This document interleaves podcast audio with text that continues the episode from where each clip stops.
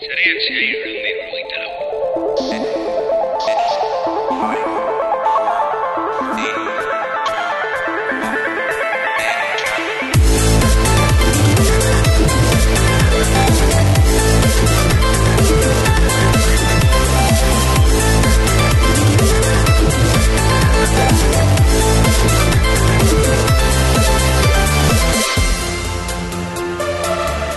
Zarean zaren edizionetan batez ere komentatuko dugu, ikusiko duzu komentatuko dugun e, berria, ba bueno, nagusia izan e, dela, e, pasaden aste buru noetan, e, bueno, e, jakin zen, erdi jakin zen berria eta orain ja bai estatu dena, baina e, ez dugu e, programa pasatu nahi, e, komentatu barik, mm, Apple, e, bere e, egunera eguneratze prozesu, prozesuetan e, aurkeztu duela e, ordenagailu berriak, beraz, ba, bueno, badakizue normalean apeli buruz borjak ez duela nahi hitz egitea, ba, ni tukatu, tokatu zei kasunetan hasiera e, honetan. Apple e, chip berria, prozesagailu berriak aurkeztu ditu, M2 prozesagailuak izango direnak, e, kasu honetan hiru bertsioetan M2, M2 Pro eta M2 Max eta e, aurkeztu dituzten ordenagailuak kasu honetan izan dira.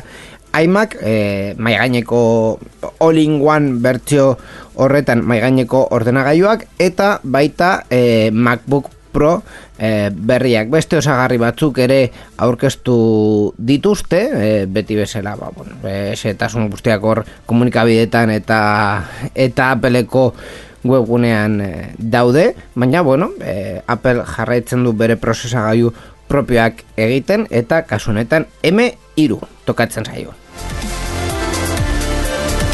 Eta guri tokatzen zaiguna programa honetan e, ba, berri teknologikoak komentatzea da, beraz, e, az gaitezen zarean zehar honekin.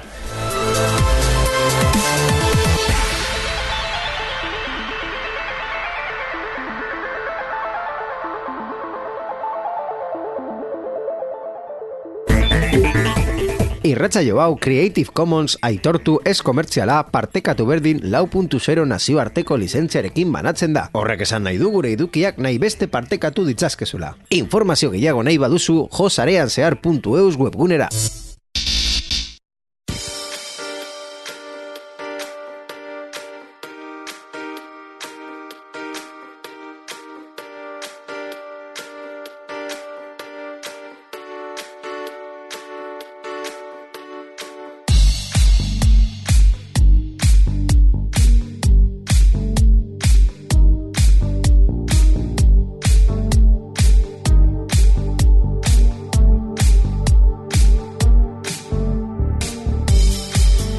Eta beti bezala berrian atalerako e, hemen zarean zearen daukagu gorekin Borja Arbosa, Arratxaldeon Borja. Arratxaldeon inigo. E, zen moduz, e, azte bi azte hauek?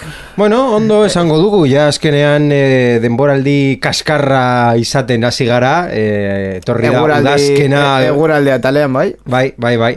E, orduan, beroa bukatu da eta ni gutxienez eskertzen dut. Bueno, eh, hori gustu eta eko. Eh, ni egia esan da, azte osoa eman dut, eh, bilbotik donostira, donostirik bilbora. Osea, que, eh, eta ez dut egan egin, pero de milagro. Osea, eh, kotxez joan da, mm, eh, eta autobuses eh, ere, eh, arazotxoak izan ditu autobusak momentu batzutan, orduan. Eh, en fin, saiatuko gara, eh, ba hori, egan ez egitea, eh, eguraldi honek eta e, ordu honetan berri teknologikoak komentatzea. Haien artean, eta nirekin uste dut bat egingo duzura e, gaurko ordena e, antolatzerakoan, itxegin behar dugu lehenik eta behin, e, Vodafone Espainiako e, erosketari buruz. Bai, hori da. Eta gainera, e, ezagutzen dugun e, pertsona, bueno, enpresa, kasunetan enpresa Pertsona juridikoa. Pertsona juridiko. Sergadun, hobeto santa, sergadun baten partetik joan den asteburuan filtratu zen albistea, baina orain ja ofiziala da, segonak Vodafone Espainia erosiko du e, bos mila milioi euroren truke, funts britainiarrak, ja, baina, esagutzen dugun funtza, 2008an erosi zuen telekable e, eta Euskaltel eta 2019an e, joigo erosten saiatu zen azkenean ez zuten e, erosketa hori e, burutu.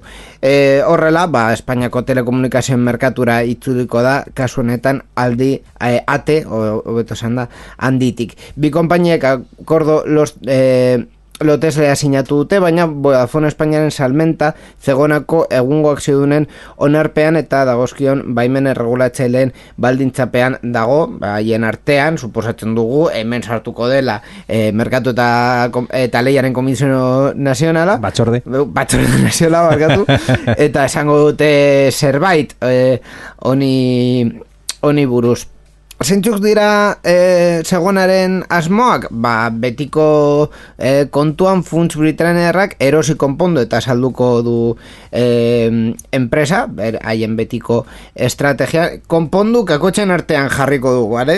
Ja ikusi denuen ze egin zuten Euskaltelekin Eta azkenean Euskaltel e, bukatu zen hor e, e, e, una malventa asquerosísima, bueno, en fin. A, a, a ver, konpondu azkenean mm, azteko eh, Opti hitz- Ni esango nuke optimizatu, baina bai, bueno. bai eh, ekonomikoki konpontzea ez du esan nahi bezeroentzako konpontzea, lehenik eta behin. Bueno, eta gero, ekon, ekonomikoki hori ni ez dut hain argi e, ikusten. Eta ez dakit, gero nahi- E, e, e, Euskaltel ekonomikoki orain konponduta dagoen edo ez. Bai, hori da bigarren pausoa, hau da, zu konpontzen saiatu alzara, baina agian ez dago konponketa aukerarik, edo zu eh, erosterakoan egin duzun mm, ikusmen mm, lehen behin-behineko ikusmena eh, ez dakit, mm, eunera eramatea zen, eta azkenean ezin duzu baino irurogeitara, irurogeira eraman. Orduan, eh, ka- kasu batzutan akatzat daude, ez dira eh, helburuak lortzen, eta ezin duzu eh, zu pentsatzen zenuna inbeste diru irabazi. E, zer gertakutuko da Bonafon eta Loguirekin e, gure herrialdean, ba, e, Vodafone, printzipioz Vodafone deitzen jarrituko du, hau da, epe laburrean ez, marka ez da aldatuko, gainera e, Vodafone e, e, kontua ben hartu behar dugu, mm, atzerriko talde baten marka bat dela, orduan marka hori erabiltzeko baimena izanten jarraituko dute, e, behintzat e, urrengo amar urtez, eta e, bueno, zerbitzu jakin batzuk e, Vodafone taldeak zerbitzu jakin e, batzuk e, mango dizkio e, EP horretan urteko mm, e, un tamar milioi euroko e, kostuarekin gutxi gora bera. Hau da, e, orain arte e, e, Vodafone taldeak ematen dituzten dituen errekurtsoak e, Vodafone España, Vodafone delako, ba, hemendik aurrera kobratuko dituzte, baina bueno, hori az- azkenean e, barne e, kontuak e, izango dira. E, zegonako presidenteak e, Emon O'Hare esan duenez logoiri baliabideak eman dizkiote lauko, low-cost merkatuan e, dilerekin lehiatzeko eta horrek telebista zerbitzuak barne har ditzake. Ojo, que vienen kur hau, hau aidera que vienen curvas. Low, low cost merkatu horretan eh, Telebista zerbitzuak diferentzia egingo du low cost merkatuan. Dut Hau da, Digi nahiko fuerte sartu da, Digi edo baita ere uste du Finetwork bestea da, mm, Hmm. azkenengo urte, bi urte, hiru urtetan nahiko inbertsio potentea egin, dut, egin dituztenak e, low cost merkatuan, eta ni uste dut e, gutxienez digiren kasuan ba, egin dutela e, inbertsio importantea presioan eta prezioak ematen duten baliabidetan, hau da, bait baita ere egin dute inbertsioa beren e, azpiegitura propioa garatzen, ez? Mhm. Gainera, ni esango eh, nuke digi ere eh, low cost merkatu horretan eta baita logui ere ematen duten o- onura, bueno, onura depende. Eh, haien oferta azken, azken finan eh, oferta oso argia da. Pro, bi- bizpa hiru produktu dauzkazu eta bizpa hiru produktu hoiekin kombinazioak egin daitezke eta listo. Digiren kasuan eh, adibidea jartzearren e, zuntza daukazu e, bosteun megakoa, gigabatekoa eta haien sarean amar gigakoa eta punto. Daukazu ezer gehiago. Eta e, mugikorraren aldean lau tarifa dauzkate. Mhm. Eta ya está, orduan, e, kombinazio horiek egiten egiten dituzte, ba, presio pizkat e, hobeago emateko, baina hori da haien oferta, osea, hiru pestaina daukate haien webgunean, fibra y móvil, fibra eta móvil, punto.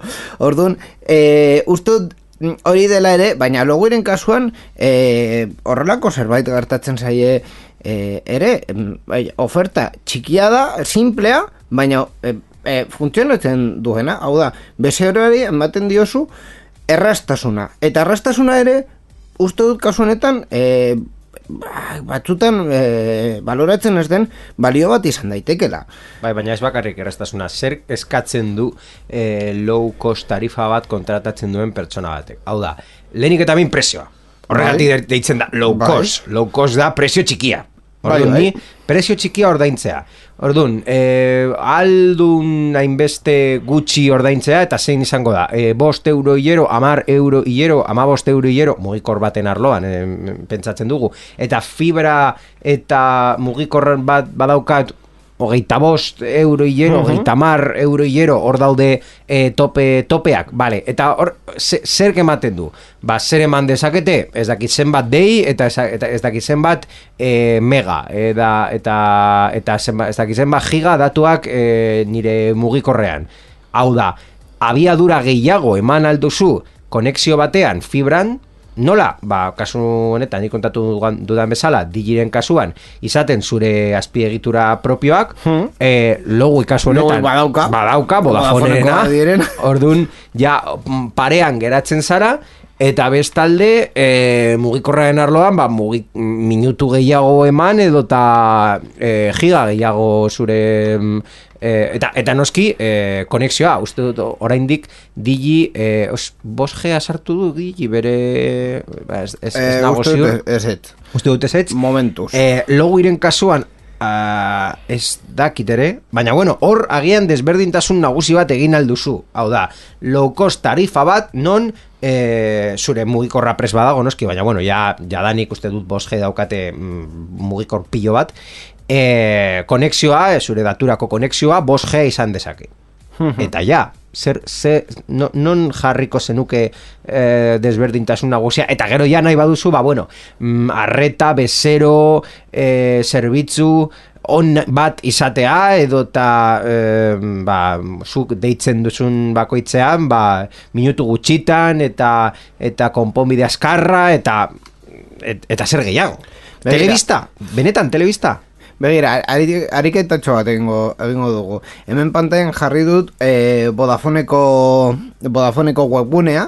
eh, Vodafoneko webgunea ikusita, hemen, mm, claro, eh, adivina, zer saltzen dute Vodafonen? Eh, egia da, hemen daukagula fibra mobil, tarifas móviles, sodo fibra, tal, tal, baina hemen, telebista bat daukagu, Ah, telebista bueno, bat daukagu, eh, erloju bat eta batidora bat. Ez, ez, bueno, eta kontxora bat ere. Osea, hemen ja, Xiaomi batidora ja egiten ditu. claro, alde batetik, e, e, e, zuntza eta mugikorrari buruz hitz egiten digute, baina beste aldetik, e, Black Friday, e, Vodafone Flex, e, Bai, bueno. gaiuei buruz hitz egiten digute, Logui, logui webgunea pasatuko gara. Ah, Logui, tarifak. Eta ja. Tarifak, Eta tarifak.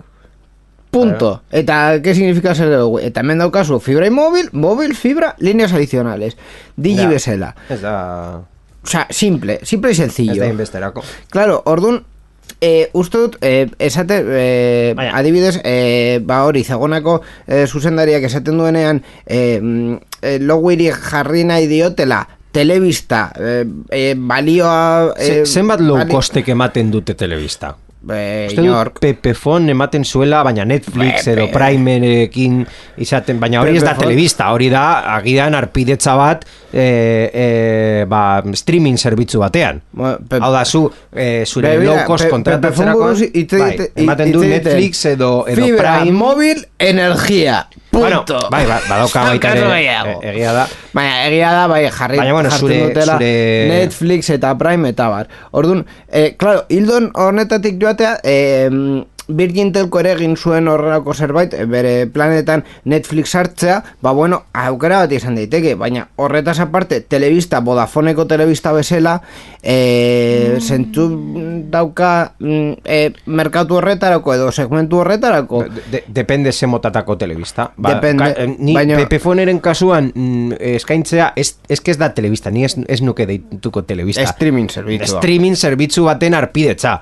Hau da, mm, es- eta izan nahi, nahi duzuna. Hau da, edo Netflix, edo Prime, edo Disney, edo Spotify. Ez decir, arpidetza bat da. Claro, orduan, e, e, imono jarek esaten duenean, Harry Microsoft irusei bo, zergatik ez? Harry Office, ez dakit.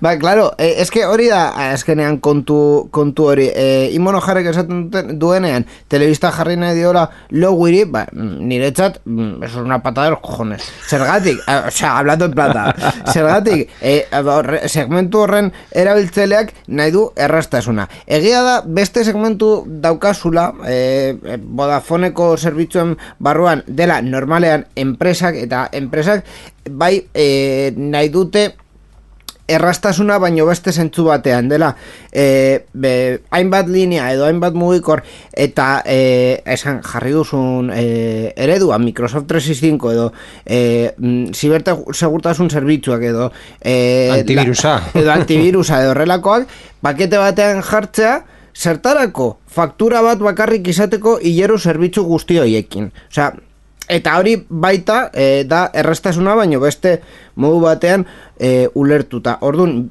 Espainian bi marka izatea e, bata enpresako e, bideratuta behar dituzten zerbitzu gaiu eta barrekin eta bestea pertsonentzat bideratuta mm, tarifa simpleekin eta punto, ba, estrategia ona izan leike. Eta justu hori izan da, azken urteetan Vodafone egin duen mm, esango nizuke oberena logo sortzea eta tarifa errazak e, ematea. Eta de hecho saltzen duten balio hori e, e, iragarkietan eta bar hori da. Orduan e, en fin e, logui Vodafone izatzea ez da ideia ona. Así, así pa empezar Ba, bueno, zer gehiago kontatu dezakegu eh, akordio ni buruz, eh, aparte ja eh, Vodafone eta Logi markaren etorkizuna pizka bat kokatu eta gero. Adibidez, zer gertatuko da eh, Vodafoneren sare mugikorrarekin? e, galdera ona, galdera ona. Egia da, e, alde batetik e, ai, azpiegiturak, e, antenak eta dorreak eta bar, e, batzuk ja Vantage Tower enpresa bati saldu ziotela, e, baino e, orokorrena, o, o, osea, orokorrean, e, suposatzen da gertatuko dela e, Euskaltelekin egin zuten e, bezala, e, azpiegitura beste enpresa bati e, saltzea eta e, eta haiek e, sareko bezero bezala, bezero preferente bezala e, geratzea. Eta zer gertatuko da banda zabaleko sarearekin? Egun, eh, Vodafoneren egungo sarea 7,5 milioi etxe osatzen dute HFC eta 3,5 milioi FTTH. Hor daukazu eh, honen klabe bat. Hau da, Vodafone sare oso zaharrak dauzka eh, bere momentuan, eh, bueno, es que Vodafone España, Vodafone Espainian, eh, Vodafone Espainiak daukan, daukan sarea eh, izan zen bere momentuan hauna eta askoz eh, eh, askoz lehenago izan ziren Airtel. Airtel baita, baina e, ez, mm, internetaren, internet finkoaren arloan izan ziren kable enpresa txikiak e, Espainian banatuta. Orduan, i, Vodafonek da... Ah, eta gero izan zen, ono, claro. Orduan, e, Vodafone denbora asko eman du bere zuntz propiorik gabe eta zuntz propio gehiena hartu zuen ono erosterakoan. Ze gertatzen da honekin, onoren zuntza e, Euskaltelekoa bezala, HFC zena, e, bere garaian Euskaltelekoa bezala, e, onoren zuntza oso zarrago, e, abiadura e, arazoak dituzte e, leku askotan, orduan, claro, HFC hori erosi dezakezu, baina hori da mm, e, zaborrera botatzeko, osea, e, e, de hecho, Euskaltel azken boladan egiten ari duen bezala, e, e, HFC kableko nodoak izten ari ditu eta bere bezeroak e, e, FTTH-era pasatzen ari ditu. Zergatik, e, azpegitura hori oso sarkituta dagoelako eta ez, gaur egun ez, dit, ez duelako ematen behar dituen e, prestazioak. E, claro, e, horretan baitara izan leike e, em, prozesu honetan merkatu eta lehiaren batzorde nazionalak esatea, bueno, e, agian zure sareko zerbait partekatu beharko duzu eta beste operagailu e, saldu behar e, edo saltzeko beharra jartzea Mhm. e, ba bueno eta horretan sartu leke e, Bai, ni berrietan irakurri du zuntzaren handizkako opedadore bati saldu al diotela, baina nik Baita. ez, ez, ez nuen ezagutzen onibia edo lintia. Mm.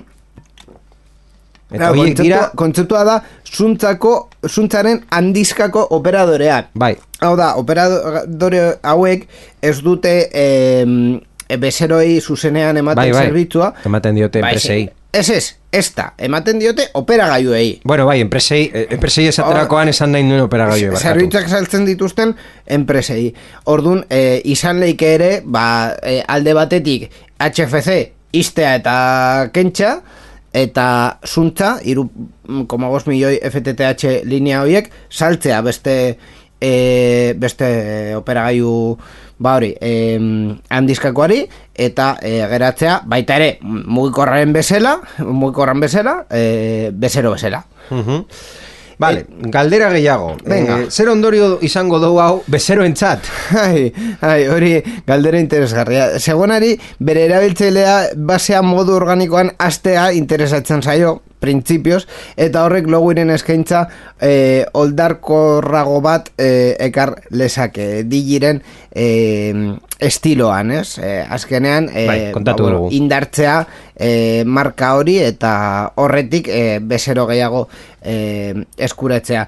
Eh, itxura guztien arabera Vodafonek bere premium izaerari eutziko dio eta segmentu profesionala indartuko du, ba, komentatu duguna ere, zentzu asko daukana, e, bezero bakoitzeko diru sarrera handiagoa ekartzeko. Hori da azkenean helburu aperagailu guztientzat, baina hori baita ere e, En fin, eh, mantendu behar da denboran eta ezin duzu eh, diru sarrera hori handitu Bai. eh, oso, oso askar gero bera Bai, joateko. eta gainera kontatu dugun bezala bere azpiegiturak desegitu al beharko dituztela eh, hor eh, saltzerakoan ba, hor inbertsio, desinbertsio prozesu asko dirua baita ere kenduko diote.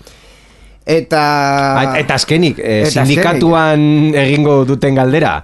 Eta ze ondorio izango du hau langileentzat. Ba, Imono Jarek eh, ez du konkretuki esan murrizketei buruz eh, bere iritzia, eta, eh, bueno, bai, esan du arlo teknologikoan gastuak murriztuko dituztela, batez ere IT departamentuan.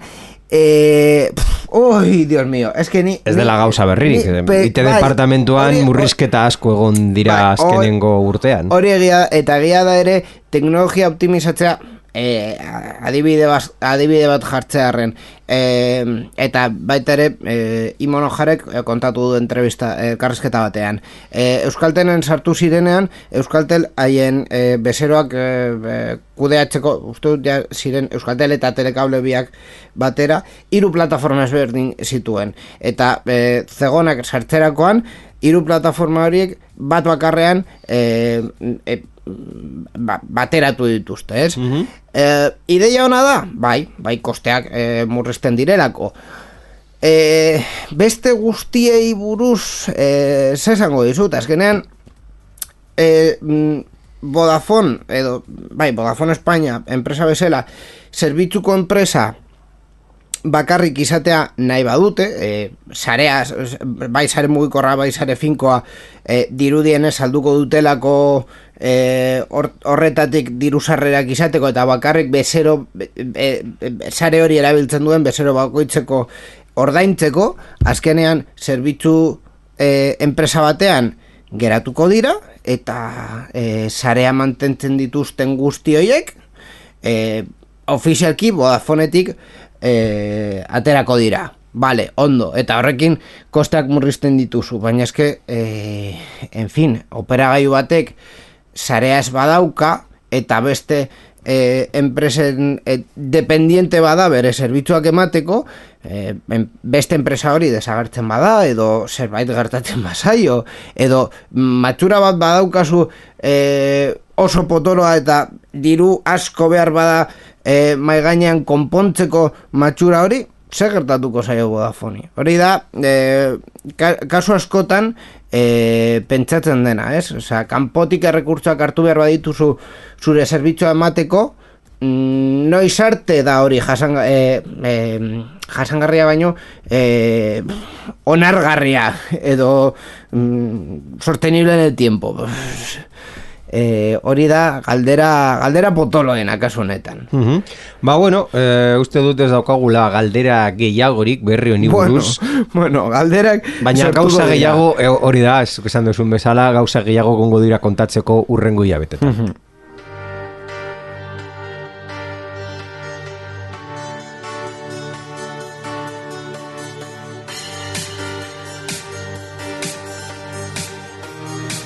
Bueno, txaketa kendu dut, programa serio jarri delako. Oi, oi, oi, oi. Bero, bero daukadako, sin más. Eh, urrengo berria, begira, adimen artifizialari buruz hitz egingo dugu. Eh, Nola ez, nola ez. Ondo baderitxo zu borra. Bai, bai, bai, bai. Edo Europari buruz hitz egitea nahiago duzu. Ez, joan, joan, eh, adimen artifizialarekin. Venga, joango gara adimen artifizialarekin. E, kontua izan da G6ak mundu mailako arau batzuk adostu dituela adimen artifizialeko eta gainera leia gonda, kasu honetan Europa eta Estatu batu es, eske, es, eske salde hau da pa markar Europa eta Estatu batuen arteko leian Japonia tarteko puntu gizaritu da Bai. Cojonudo Mapa ikusterakoan, Europa, Estatu Batua eta Japonia erdian. Bai, bueno, a ver, depende nora kokatzen duzun mapa Bai, bueno, depende zenolako mapa, baina Europa. Et, e- eta hortik asiak entzen baduzu, da, bueno. Baina Japonia geratzen da erdian, edo ez da Vale, geratzen. Ondo. Japoniako gobernuak araudi bat proposatu zuen hain zorrotza izan arren copyrighta eta datu pertsonalen asalpena beharrezko, bezalasko arazoeri eraginkortasunez aurre egiteko eta ikuspegi hori ofizialki onartu dute G6ko eh, liderrek berreki egindako akordio batean. Em, Bueno, G6 no, norbait ez badaki zer da G6, vale? A ver, ni ja suposatzen dut geopolitikari buruz eh, konpondu garela, ez? bueno, agian eh, gaizka karbona bezala basarete eta munduari buruz gutxi badakizuen Ge- esalduko dugu eh, kortinilla bat beharko nuke hemen geopolitika bor jarbosarekin Zarean zehar esplikatzen du. Zer da G6, zazpien taldera, deitzen dela G6, ba, e, foro politiko, gobernuen arteko foro politiko bat da, hor sartzen den Alemania, Kanada, Estatu Batua, Frantzia, Italia, Japonia eta Erresuma Batua. Eta gainera Europar batasuna, baita ere kideara noski Alemania, mm, Frantzia, Italia, Erresuma Batua, no, Erresuma Batua orain ja ez, baina, badakizue, horrelako ordezkaritza politiko iraunkorra mm, duelako eta baita ere munduko ekonomia kombinatu handiena delako, eta beraiek ba hor diseinatzen dute politika internazional potoloak. ba, G6aren akordioak jokabide kode bat sortzen du adimen artifizialeko garatzearen txat, eta kode horrek ia eh, adimen artifizialeko enpresa eta garatzeare guztiek jarraitu beharko lituzketen, ojo, hau eh, dela eh, ja, nahi baduzu edo ez baduzu nahi, pues, bueno, hainbat jarraibide biltzen ditu. Ala nola, Borja, lehenengo postuan, Implementazioaren aurretik eta implementazioan dauden arriskuak identifikatzea, ebaluatzea eta arintzea. bigarrenean, Kalte beratasunei aurre egitea eta erabilera desegokiari aurrea hartzea. hirugarrenean, Gardenak izatea, mugei eta erabilera egokiari buruz. Laugarrena, Informazioa modu arduratsuan partekatzea beste erakunde batzuekin. eta bosgarrena, Datu pertsonalak eta jabetza intelektuala babesteko neurriak esartzea. top bost adimen artifizialeko neurreak sarean zearen. Bai, hor dago. Oso. Ba bueno, azkenean eh, mm, eh, en fin, argibide edo eh, jokabide nahiko orokorrak, ez? Bai, Eh, bai, bai, bueno, bai, bai. arriskoak identifikatzea, gardentasuna, ez dakizer, oso ondo, baina azkenean Babesa datu pertsona eta jabetze intelektualean. Azkenean, e, saltu, saltatuko pizkatxo bat berrian, komentatzeko berriak esaten duenez, jokabide kode e, horri atxikitzea borondatezkoa dela. Bai. Orduan, azkenean, e, ba, bueno, e, ze, jo que se, egia da, e, lantalde handia egin e, dutela, e, aliantza globalarekin eta elgarekin, edo gaztereraz OCDE, guztiok kokatzeko, zer da OCDE? Borja, Ber, hau, hau esplikatu beharko dugu ere. Zarean zehar asaltzen du OCDE. Bueno, OCDE de, de, de la Gasteleras Organización para la Cooperación y el Desarrollo Económico. Kasu honetan, beste eh, organismo bat, eh, kooperaziorako, internazional eta hogeita mazortzi estatu osatzen dituzten organismo bat da. Eh, ez ditut hogeita mazortziak eh, komentatuko, baina bueno, batez ere, Europarrak, hogeita Ipar Amerikakoak, Japonia, Australia, batez ere, vale?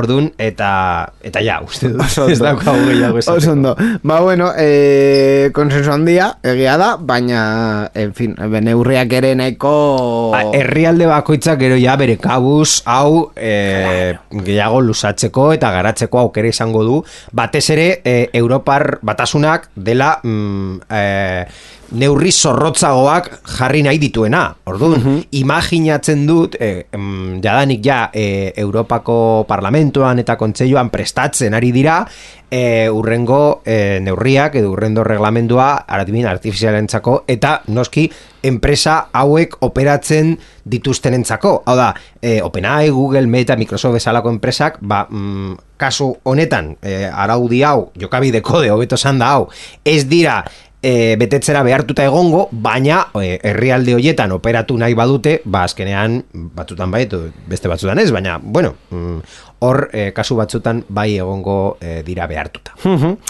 Eta begira, Europar batasunari buruz eta bere zorroztasunari buruz hitz egiten, mm, uste dut momentua dela e, Europari ateak irekitzea eta ikustea zein, den, zein izan den azken e, neurriak hartu dituztenak.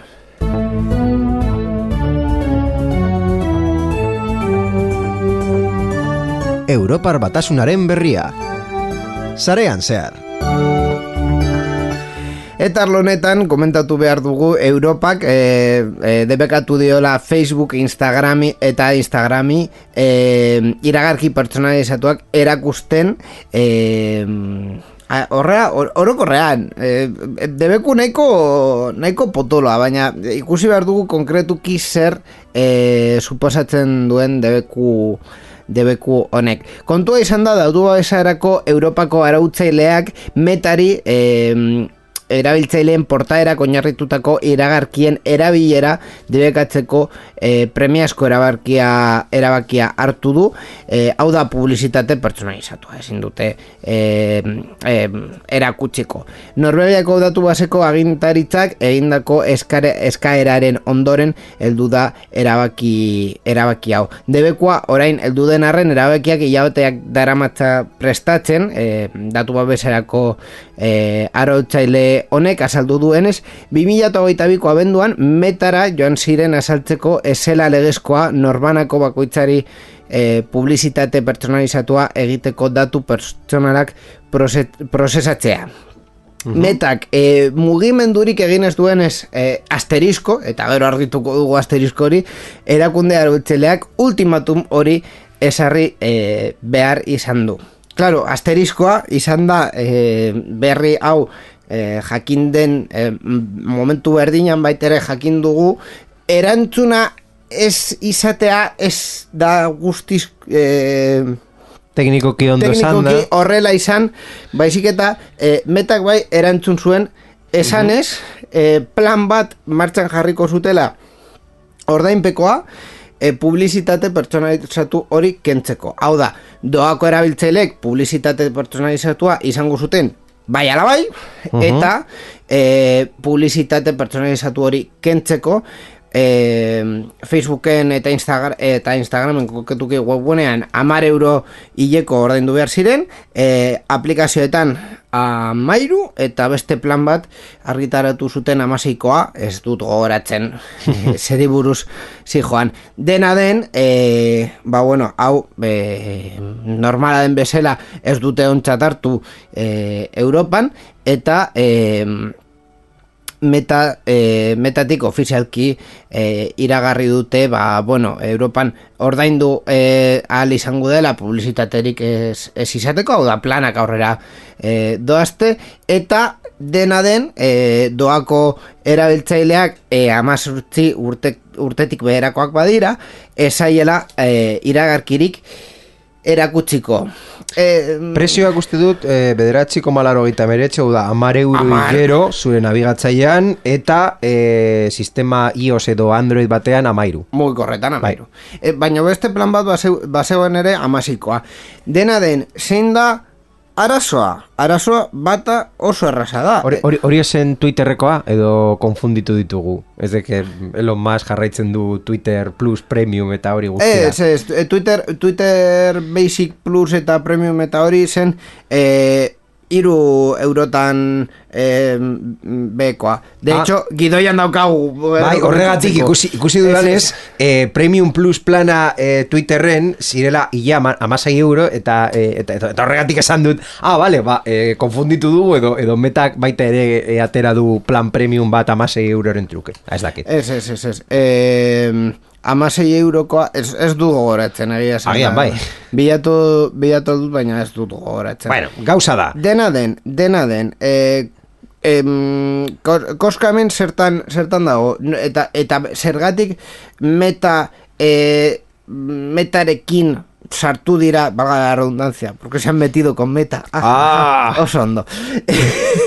Zergatik, sartu dira kasu honetan metarekin eta ez e, besteekin, ba, gauza oso erraz e, batetik, meta ez du aukera ematen iragarki pertsonalizatu horiek kentzeko. Twitterren, e, bueno, Googleen. edo is, e, Xen, orain, e, aukera bat dago esateko ez duzula nahi e, iragarki pertsonalizatuak. Eta ya está! Eta ya está, listo. Orduan, claro, eh, normala da, nor, ni pertsonakin normal ikusten dut, Europar batasunetik eh, esatea, bueno, eh, ezin duzu, mm, zure, osea, zu egin negozioa nahi duzun bezala, baina ezin diozu erabiltzaileari esan bere datuak erabiliko dituzula iragarkiak egiteko, eta ez baduz hori nahi, ordaindu hombre, eh, erabiltzailearen datuak defektuz suposatzen da, Europar batasunan dauzkagun legeak eh, hartuz, ez duzura esertarako erabili behar. Se supone. Uh Orduan, eh, en fin, eh, zure negozioa oinartzea eh, datu hoien erabileran mm, mm, mm, nye, nye, nye. Bai. Borja.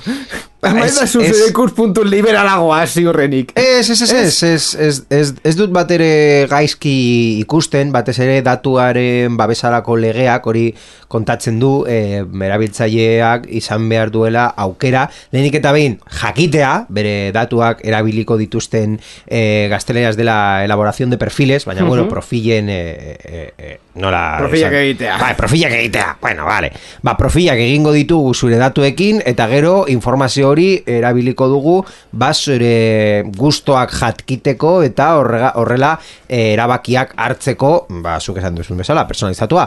Orduan lenik eta behin jakitea eta bigarrena e, esetz esatea. E, eta eta hori eskubide bat da.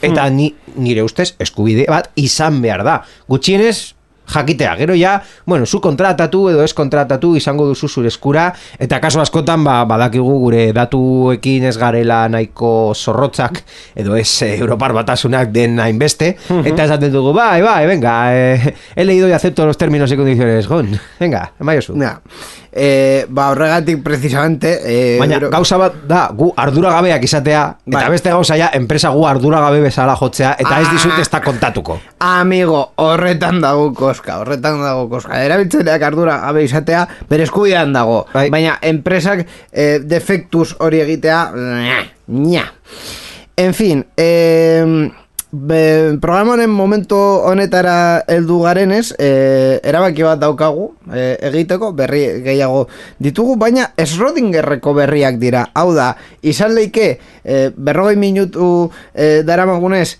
berre eskarrik izatea edo ez izatea. Eta orain erabaki hartu behar dugu, Borja. Eta nor hartzen du erabaki hori. Zu.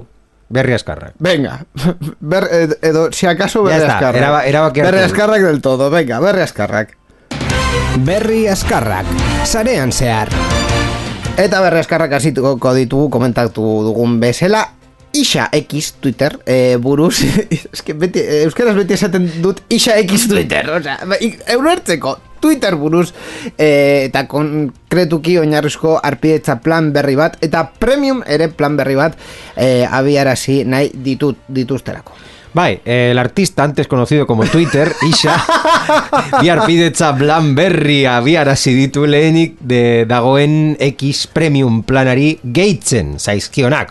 Oinarrizko plan bat argitalpenak editatzeko gaitasunarekin, hau da zure argitalpenak nahi bat dituzu editatu eta ja, egia estape markari gabe, hilean. Iru euro ordaindu eta publizitateri gabeko Premium Plus plan bat, hilean amasei eurotan. Hau da, Barkatu e, ko, Amaizei euro ez badituz ordaintzen, publizitatea jango duzu egunero. Claro, es que hori pentsate eh, eh, berri eskarra hauek ez dira oso eskarrak izango, ja oso komento, vale? Baina momentu honetan ni pentsatzen nuen e, premiuma ez du iragarkirik kentzen? Ba ez, Esa, premium ordainduta ere, iragarkiak ikusten dituzu. Toma Elon Musk. Ole. No, jarraitu, jarraitu, jarraitu. Zer, zer, zer gehiago urrengo berria jarri eta sintonia eta hori Vale, guztia. ba- Bueno, ba, txistea ja kontatu dugu. Hori da. Toma Elon Musk. En fin, pizka serioago jarriko gara kontatzeko Europak aurren sexu abusen gatiko mesu pribatuen eskaneatzea mugatuko duela. Bai, Europako parlamentuak adostu duenez, online aurren sexu abusuaren erreglamenduak ez du telekomunikazioen eskaneatze masibo eta preventibo bat baimenduko. Aitzitik zifratzea muturretik muturrera baino ezingo da eten. Adingabeei sexu abusuen edukia zabaltzeko gizabanako edo talde susmagarrien mezuetara iristeko ez bada Logiko. Muturretik muturrera badakigu zifratzea e, hori nahiko e, arrunta da komunikazioak babesten dituen enkriptazio sistema bat da. Horrela igorleak eta mezu bat jasotzen duen erabiltzaileek soilik ikus dezakete haren edukia. Eta eragotzi egiten dute hirugarrenek edo zerbitzuaren ardura duten enpresak berak ura eskuratzailea. Gaur egun sistema hori WhatsApp, Facebook, Telegram, Messenger edo, edo nahi duzuna erabiltzen da erabiltzaileen pribautasuna babesteko. Eta azkenean neurri hau da e, komunikazioen sekretuan mantentzearen hildo berean. Beraz, ba bueno... Oinarrizko eskubide bat da. E, oinarrizko eskubide bezala. Beraz, Europar batasunak e, arau bat egin du beste arau batzuekin koherente dena. Oso ondo, Eskerrik asko, batasuna. Eskerrik asko. Eta azkenik, Europatik ez gara joango, kontatzeko patinete eta bizikleta elektrikoen batirietarako kargagailua ere harmonizatu nahi duela. Beste kargagailu bat, ba bai, Europar batasuna kargagailu bakar bat harmonizatzeko lanekin jarraitzen du. Orain garraio bide harinen bateria kargagarrietan zentratzen da gailu elektroniko gehienentzat USB-C portua inposatu ondoren. Europar batasunaren kargagailu bakarrari buruzko zuzentarauak USB-C kargailua ezartzen du eta 2000 eta hogeita lauko udazkenetik aurrera derrigorrezkoa izango da. Eta orain saridunak dira... Trrrr, Bai, eman, bai. eman, eman. Patinete eta bizikleta elektrikoa. Eta wearableak eta errealitate virtualeko kaskoak, dron komertzialak, bideojokoen kontrolatzeleak, irrati kontroleko jostailuak eta baita ere hortzetako eskuila elektrikoa. Europa Oprah Winfrey eh, bihurtu da. USB-C zuretzako eta zuretzako ere eta zuretzako USB-C guztientzat. E USB-C guztientzat, bai.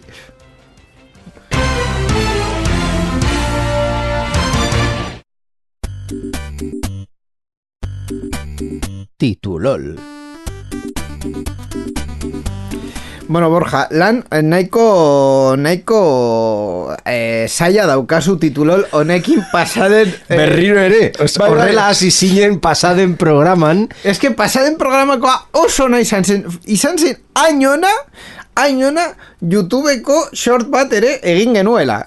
Osea, ni, ni esan ez, eh, dimoarekin es, eskuan, dimoa, eh, eh, dimoari bueltak uh ban eta klongo, en fin, eh, bueno, eh, zer daukazu gaur hori, eh, de- Ba, eh, berriro, berri hori hobetzeko, berriaren egin zuten berdinak. A ver, eh, espérate. Google, Google Japonia. Google Japonian az, aurkeztu du Googleren Gboard Bar. Eh, Bar ez ez kopak hartzen dituzuna, baizik eta barra. Teklatu bat da, tekla guztiak ilara bakarran dituen diseinu batenean. Nabarmentzen den aukera. A ver, barkatu. Hau da, jo- jarrera honen ondorioz, teklatu midanatua bat koma irurogeita bost metro. Baina gutxiago da. Baina Google esaten du, beso onak ba dituzu, askarrago bilatzen duzun tekla aurkituko duzula. Be, o sea, me, me, me voy. ba, ba, noa, eh, berria irekiko dut, eh, be, honen, eh, em, argazki, bueno, argazkia ez ikusten dut dela marraski bezera. Bai, bezerakoa, kontzeptua, baina bueno. Ah, kontzeptua bakarrik egin dute. Bai, baina bueno, horti- mal, o sea. Hau da, teklatu guztia ilara batean. Vale, eh, teklatu guztia hilara batean eta irudian jarriko dugu porque es que, es que Merezi ni, ni psikotropiko nago ja honekin. Irudiak ja guztia esaten du. Osea, e- efectivamente teklatu guztia barra batean jarri dute eta gainera jarri dute letra guztiak segidan gero espazioa eta gero beste guztia. Osea, Bai. en fin, eh, zer esan dezakegu hori buruz. Jo, jo- Zan ere Google beharrezko jarraibide guztiak argitaratu ditu GitHuben, baina Googleek ofizialki onartzen ez duen produktua dela horartarazi dute. Ah, vale. Osea, Gboard Bar eh, deitzen diote, baina ofizialki ez da Googlera. Oso ondo. Eta eta aklarazio bat. Japonian ez da eh, April Fools edo edo inocentaren egunean eh, aste Ez ez, honetan. Google Japonian eh, aspertzen direla eta, Bai. eta ez dakite ja zer egin. Bai, bai, bai, bai. dute, begira, noiz bait, kalera joko gara, enpresa hau, beheraka doalako. Orduan, bitartean, ondo pasako du. Está despedido y con razón. Es que, horrela da, horrela da. Ez que, se, se Bat gehiago esan aspertzen dugu. dira, bai, bai. Ze gehiago esan, esan dezakegu honi buruz, ba, eser gehiago. Osea, Gu- eh, Google Japonia. Ordu inigo hobeto dute marka. Ez, ez, ez, Hola, ez, eh. ez que eh, txapela dimoarena eh, klongo ez, ezin da, ezin da hobetu. Baina, bueno, hor, gertu gertu da, este, urrengo programan ere Google Japoniari buruzko titulol bat eh, ekarriko duzu. Ikusiko du lehen bailen bere webunea. Es que, de verdad. Entzun berri duzunari buruz hitz egin nahi? Zure iritzia jakin nahi dugu, idatzi ezaguzu Twitterren gure erabiltzailea, sarean zehar da. Gure Twitcheko emanaldietan ere parte hartu eta zure iritzia eman dezakezu programa egiten dugun bitartean. twitch.tv barra sarean zehar. Gainera, zure ekitaldiaren edo ideiaren berri eman nahi baduzu, posta elektronikora idatz diezagukezu info abildua sarean zehar.eus. Sarean zehar, zure mezuen zain.